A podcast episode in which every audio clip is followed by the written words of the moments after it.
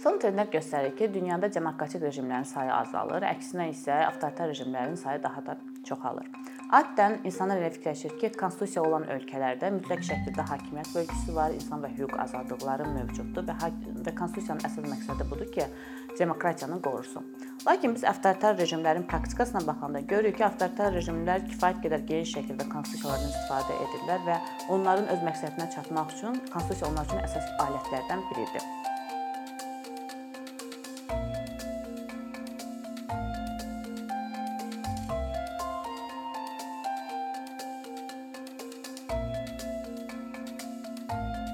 İlk öncə onu qeyd eləyək ki, konstitusiya nədir?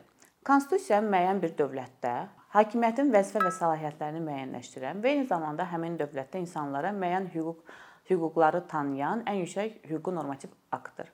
Avtoritar rejimlər isə belə deyək də məhdud pluralizmi olan hakimiyyətin bir nəfərdən və yaxud da bir qrupdan asılı olduğu, e, hakimiyyətin siyasi gücün e, vətəndaşlar qarşısında hesabatlığının olmaması, yalnız tək bir partiyanın imtiyazlı olması məmurların pozisiyalarının vətəndaşlardan deyil də daha çox hakim elitaya yaxınlığından və yaxud da liderdən asılı olması kimi xüsusiyyətlərdə görürük. Bu xüsusiyyətlərin hamısı və yaxud da bir neçəsi rejimin avtoritar rejim olduğunu deməyə bizə əsas verir.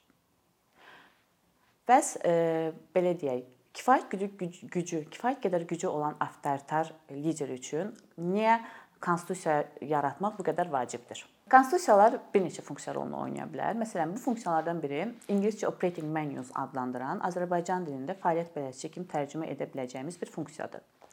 Hər bir belə ki, rejimə, istənilən rejimə, istər demokratik olsun, istər avtoritar rejim, institutlar arasında koordinasiya etmə ehtiyacı var. Konstitusiya fəaliyyət bələdçisi rolunu oynamaqla institutlar arasında baş verə biləcək konfliktləri minimuma endirir.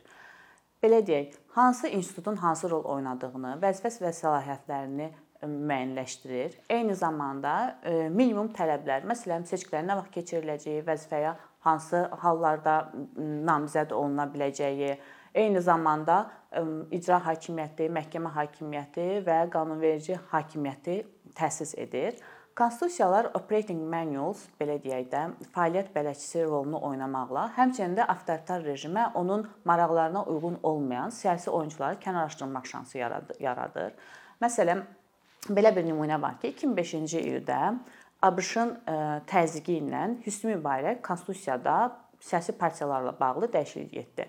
ABŞ-ın tələbi belə idi ki, Misir çoxpartiyalı sistemə keçsin və Hüsnü Mübarək e, bir növ buna əməl elədi. Əməl elədi dırnaq içərisində desək, amma reallıqda partiyalarla bağlı elə bir maddələr qoyuldu ki, buna yalnız Hüsnü Mübarəkin partiyası cavab verə bilirdi və bu da avtomatik olaraq digər oyunçuları siyasi arenadan kənarlaşdırmış oldu. Və burada bizdən belə deyək də, əsas bir fərq çıxır ki, avtoritar rejimin demokratik rejimdən əsas fərqi siyasi arenanın digər oyunçular üçün əlçatan olmamasıdır. Digər bir funksiya isə billboard, Azərbaycan dilinə elan və yaxud da reklam kimi tərcümə edə bilərik. Konstitusiya kommunikasiya vasitəsi rolunu oynayır.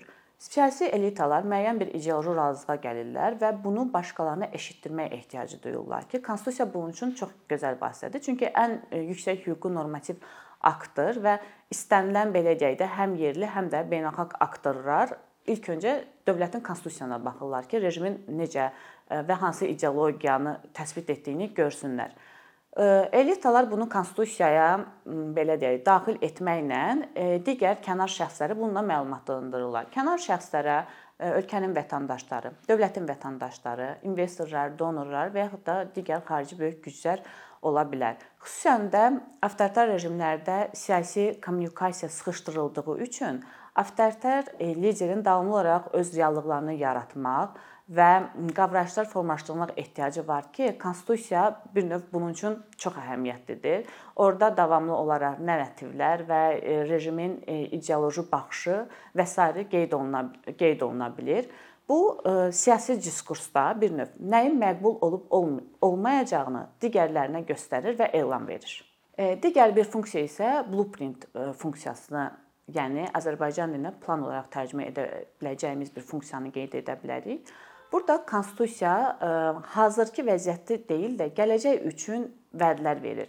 Bu gələcək vədlərdə belə deyək də demokratiya keçidinin olacağı, sosial-iqtisadi hüquqların veriləcəyi kimi gələcəyə doğru müsbət baxışın formalaşdırılması ola bilər. Bunun üçün ən yaxşı nümunə 1917-ci ildə qəbul olunmuş Meksika konstitusiyadır. Meksika konstitusiyasında torpaq islahatı və eyni zamanda öz vətəndaşlarına iş, təhsil kimi sosial iqtisadi hüquqlar vəd edilirdi. Lakin torpaq islahının həyata keçirilməsi bir neçə 10 illik tələb edirdi və bu yəni 40-cı illərdən sonra mümkün ola bildi. Sadəcə bu planların belə deyək, vədlərin konstitusiyada təsbit olunması davamlı olaraq liderlərin bu vədlər ətrafında birləşməsi və onun ətrafında səfərbərliyin olmasına şərait yaradırdı. Çünki bu vədləri ignor edən lider e, siyasi bir karyerasını bir növ e, irəli gedə bilmir gedə bilmirdi və vətəndaşlardan dəstək ala bilmirdi.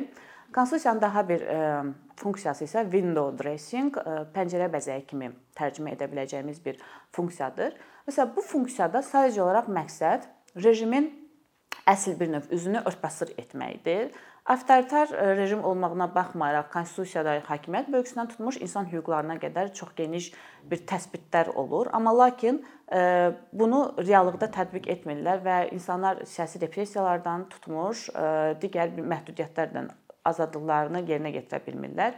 Bunun üçün misal olaraq Şimali Koreya belə ən yaxşı nümunə kimi göstərə bilərik ki, onun onların konstitusiyasında hüquq və azadlıqlar mövcud, amma praktikada əməl olunmur. Avtoritar rejimlər bəs praktikada konstitusiyada necə istifadə edilir? İlk öncə onu qeyd eləyək ki, avtoritar rejimin konstitusiyasının olması onun ömrünü uzadır. Və lider davamlı olaraq bir növ adi konstitusiya yaratma prosesində əhalinin ehtiyaclarını öyrənir, həm də onun sosial ehtiyaclarına fikrini yayındıra bilir Bundan başqa olaraq konstitusiyada seçkilərin, prezidentin səlahiyyətlərinin və yaxud da məhkəmə müstəqilliyinin qeyd olunması e, lider üçün həm daxili, həm də xarici siyasətini bir növ müəyyənləşdirməyə kömək edir. Davamlı olaraq məhdud seçkilərin keçirilməsi e, ona öz e, siyasi elitasını yeniləməyə, eyni zamanda potensial rəqiblərini müəyyənləşdirməyə kömək olur. Daha sonra rəqiblərin bir hissəsini repressiyaya məruz qoya bilər, digərlərini isə öz tərəflərinə çəkib maraq məqsədləri üçün istifadə edə bilər. Bundan başqa ümumilikdə əhalinin sosial ehtiyaclarını da, əhalinin maraqlarını da seçkilər vasitəsilə müəyyənləşdirə bilər.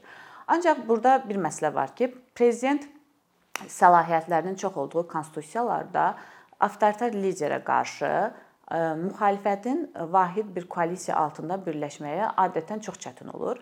Çünki müxalifət e, bir növ partiyaların birləşməsi və vahid bir namizəd irəli sürmələri həmin namizədin qalib gələcəyi halda bütün e, bu prezident səlahiyyətləri ilə e, bütün verdiyi vədləri əməl etməyəcəyi narahatlığını yaradır. Çünki Prezidentin səlahiyyətləri o qədər çox olur ki və elə bir institusional mexanizm olmur ki, prezidentin səlahiyyətlərini hər hansı bir e, şəkildə məhdudlaşdıra bilsin.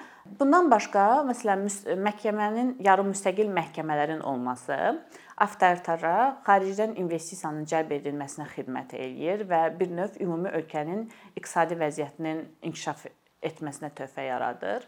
Amma Bütün bunlara baxmayaraq, məsələn, avtoritar avtoritar liderlər davamlı olaraq bunu yadında saxlamalıdırlar ki, e, konstitusiyada təsbit olunan istənilən maddələr bir gün onlara qarşı yönələ bilər e, və tarixdən belə bir təcrübələr var ki, konstitusiya demokratik keçid üçün tətik rolunu oynaya bilər.